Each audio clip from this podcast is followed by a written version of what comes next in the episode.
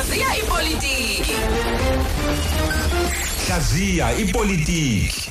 Alright kanti ke namhlanje ke udaba esilibhekayo nesilidingidayo eh isihloko salo sithi nje ke eh, noma ke namhlanje sibheka nje ke la eh, indaba ethinta ngokuthi ke eh, kumele ke izisebenzi zikahulumeni eh akumele empeleni kumele izisebenzi zikahulumeni zigweme ukungena odakeni eh lwepolitiki yamaqembu. Kumele izisebenzi zikahulumeni zigweme ukungena eh odakeni lwepolitiki yamaqembu. Ake sibingelele la kunhlanhla umfoka mtaka mkuni sawona abendlovu benamandla enhla nasezantsi siyabingelela mnethu Eh ngifisa nje ukuthatha ababili abathatha abalaleli bethu la bathe baphawula wemnguni ngalolu daba. Eh njengoba siye salunameka lapha ke einkundleni zokuxhumana ukuthi baphawule mhlawumbe kuqala ngaphambi ukuthi ke eh, ubheke noma ungene ugcileke namhlanje. Ukhona lapha ke umo icebe khulu empangeni. Uthe nje ke na ke eh ubona ke inkohlakalo ingaka nje yilo lolu daka ke la ku politiki yamaqembu. Eh ngisho ke umuntu umbono ukuthi ke uyisela kodwa ngoba ke eh, useqenjini lakho umvikele ngayo yonke ke indlela eh, uthi ke sibulela kakhulu leyo nto leyo njengezwe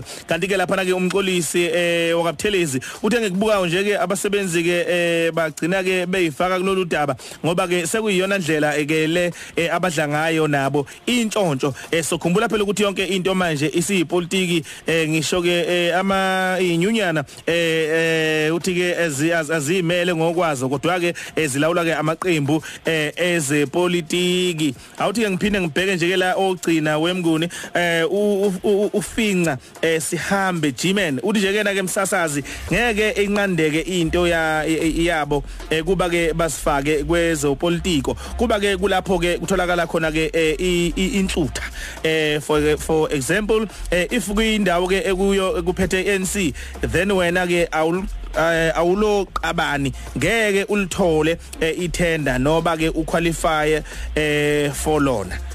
Okay ibeka ngolimi lesixhosa lensizwa le eh ngicishe kubazula abalali bethu mangabe bephawula la. Kodwa ke mhlambe ke ake singene mfoka mtaka sigcile kulolu daba ukuthi mhlambe usho ukuthini mangabe uthi isebenza kumele zingene odakeni lwepolitiki eh zibe zizisebenzi kahulumeni? Asiqale silivume ilungelo mewethu la noma yimuphi umsebenzi ukuthi unelungelo lokuqoka noma yokulandela iqembu alithandayo futhi alivotele ilungelo lakhe lelo singeke silithathe ngakho bonke abasebenzi bakahulumeni uma ngikhuluma ngabasebenzi bakahulumeni ngikhuluma nabasebenza kuzwe lonke ezifundeni ngisho nakomasipala banelungelo lokuba ngamalungu eqembu elithize malivotele makuvoto into abangenayo ilungelo layo yokuthi basebenzise ubuqembu lokho uma sebenza umsebenzi wabo. Kodwa ke angeke ngibavikele ngoba ukhona esingakuqondi thina abantu abaningi ababhekene nakho okufuneka sibalekelele ukuthi baphume kuwo. Bonke osopolitiki noma iningi losopolitiki abakhethiwe ezikhundleni abakhethwa ngenxa yamakhono noma ngenxa yokufunda kwabo. Kuke kusukele nje kuthiwa umuntu akaphathe eh, ezemidlalo engakwazi ngisho ukukhahlela ibhola engakwazi ngisho ukwenzani.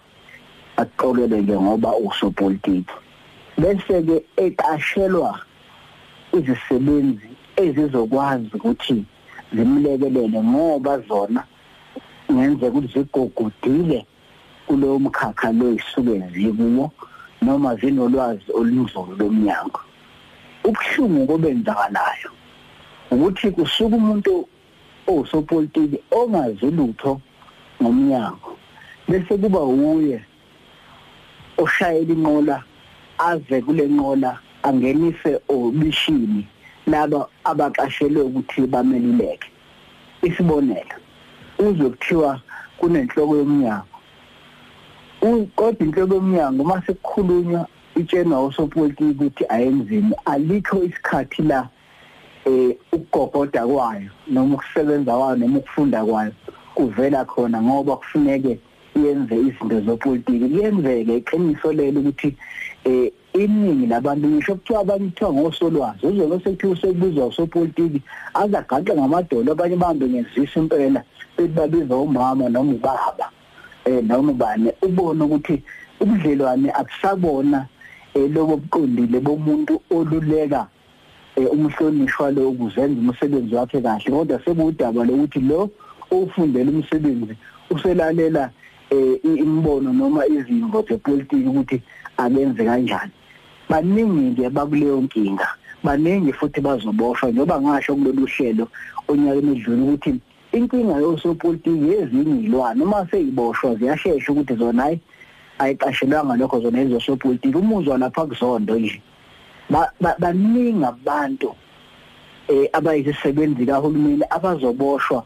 Abanye ngempela benza izinto ngoba belawulwe ngosopolitiki benza izinto ngoba benzela ukujabulisa osopolitiki ingakho ngithi nabo bakithi mina nisebenzele uhulumeni uma ngempela uqashwe ngenxa isitifiketi sakho ake ume ekuthenini chabo mina ngiqashwe ngoba ngiwazi umsebenzi ngofundele ngizoma kuloko ngoba umsebenzi wakho wena weluleka uma la kukhona bekuphoqa khona uyakuvumela umthetho ukuthi ubhale umbono wakhe isibonelo.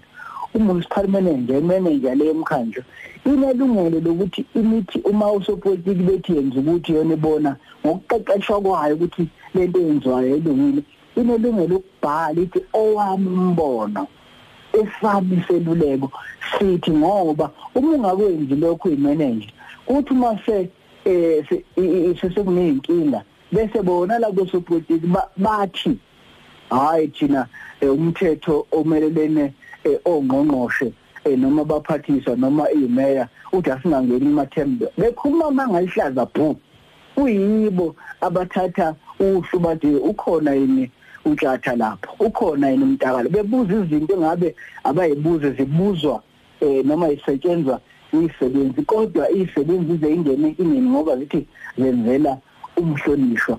Yiko ngithi sebenzisana umthetho ukhona umthetho onivikelayo uthi kufuneke nibe nomthetho nikubhale phansi lokho ukuthi mina ibani bani ngokuqashwa kwami noma ngokwazi kwami lokhu okwenziwayo akukho emthetho sebengaqhubekayo ngoba phela banelungelo lokuthi baqhubeke bangusopolitiki baphethe kodwa wena zivikele ngoba lesi sikhathi sibhlungu la khona abantu ngempela ngiyayibona igangi emfoka ngoba ngikhuluma ngegangi lezi ezi ezigangayo lezi abalaleli abakhuluma ngikhuluma ngabantu mina bangena obishini ngenxa eh yosopolitiki bayithole sebesayina bayithole sebevuma bayithole sebesho kuthize ngenxa yengcindezi kasopolitiki ukhona umthetho okuvikelayo ukuthi ubhale umbono wakho ngokufundiswa nangokwesikhundla sakho. Musana ukudlala abantu beminyaka emihlanu abantu abangaxoshwa noma yini wena uma usuke waboshwa yonke umsebenzi wakho weminyaka. Abanye benu baneminyaka ngamashumi amabili ekhulumeni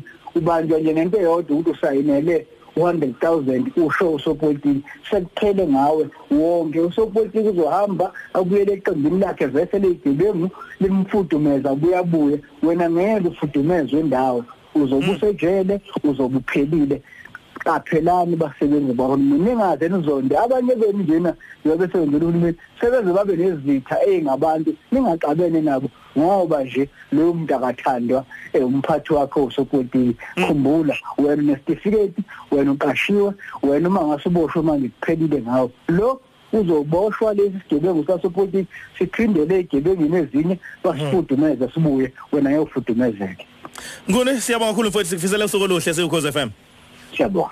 Uzomthola ke noma kanjani ke unhlanhla mtaka lapha ke ku Twitter uthi @nhlanhla mtaka umbheke kanjalo kanti ku Facebook ethi bayede news. Noma ubheke ikhasi nje bayede news. Umthola kanjalo ke unhlanhla umfuka mtaka.